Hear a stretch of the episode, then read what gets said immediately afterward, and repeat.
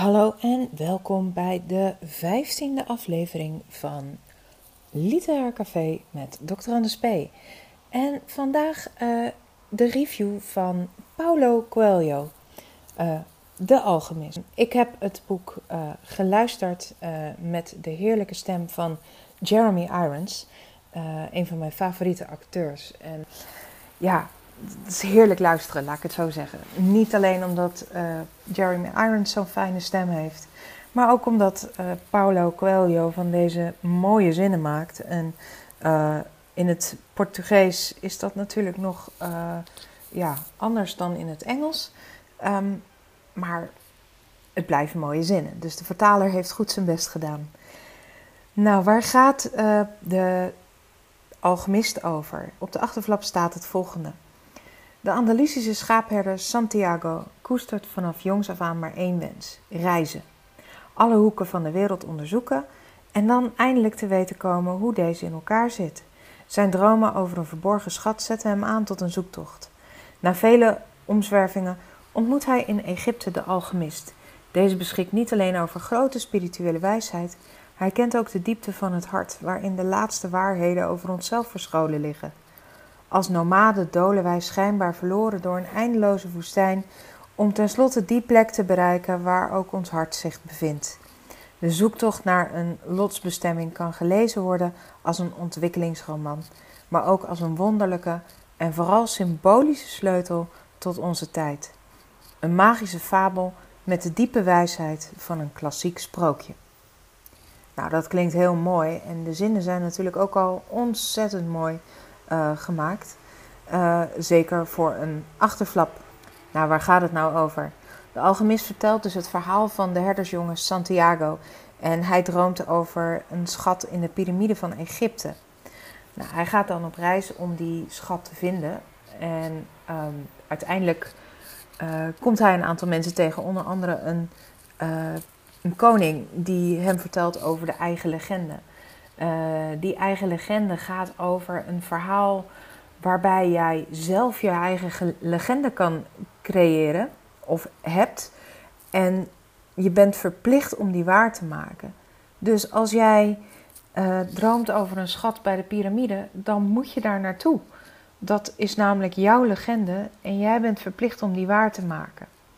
Eigenlijk wil hij niet op reis, want hij heeft een, een meisje uh, in een stad uh, die hij heel erg interessant vindt. En dat is de dochter van iemand aan wie hij zijn schapenwol verkoopt.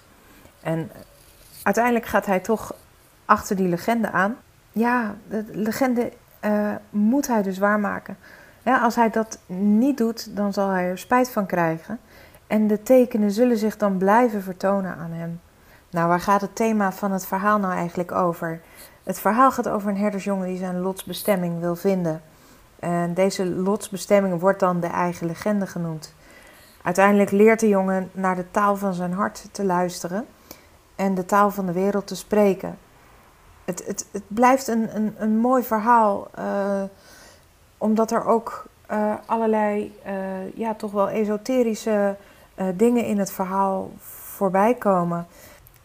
En Santiago zoekt zijn lotsbestemming en gelooft uiteindelijk ook dat zijn leven zelf een verhaal is.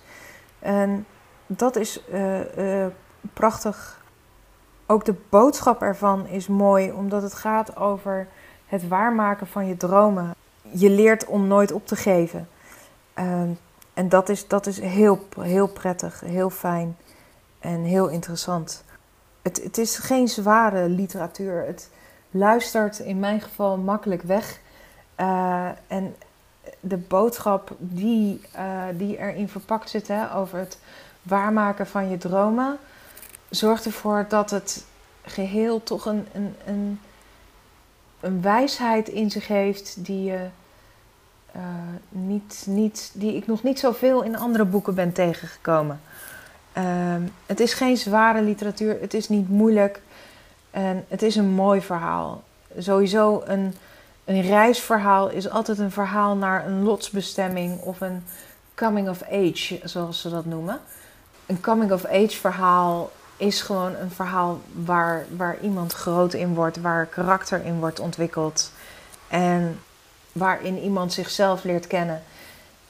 dat gebeurt ook bij Santiago. Hij leert zichzelf kennen en hij weet uiteindelijk wat de schat is die in Egypte gevonden kan worden. Een van de mooiste zinnen die ik tegenkom in het boek. ik vertaal hem even losjes naar het Nederlands hoor. want ik heb hem natuurlijk in het Engels geluisterd. En de jongen dook in de ziel van de wereld en zag dat de ziel van de wereld een deel was van de ziel van God. Het is prachtig. Daar wil ik het eigenlijk bij laten, want het is gewoon een, een te mooi verhaal om er te veel over te verraden. En eigenlijk vind ik dat je het gewoon zelf moet lezen. Uh, heb je het al gelezen? Super tof. Laat me, vinden, laat me weten wat jij er zelf van vindt. En uh, ik hoor graag uh, of je het met me eens bent of niet.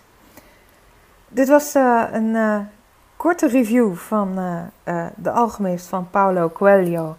En nou, mocht je zelf daar ook een mening over hebben, vertel het me. Dit was de vijftiende aflevering van Literair Café met Dr. Anders P. Volgende week weer een interview. En um, tot de volgende keer.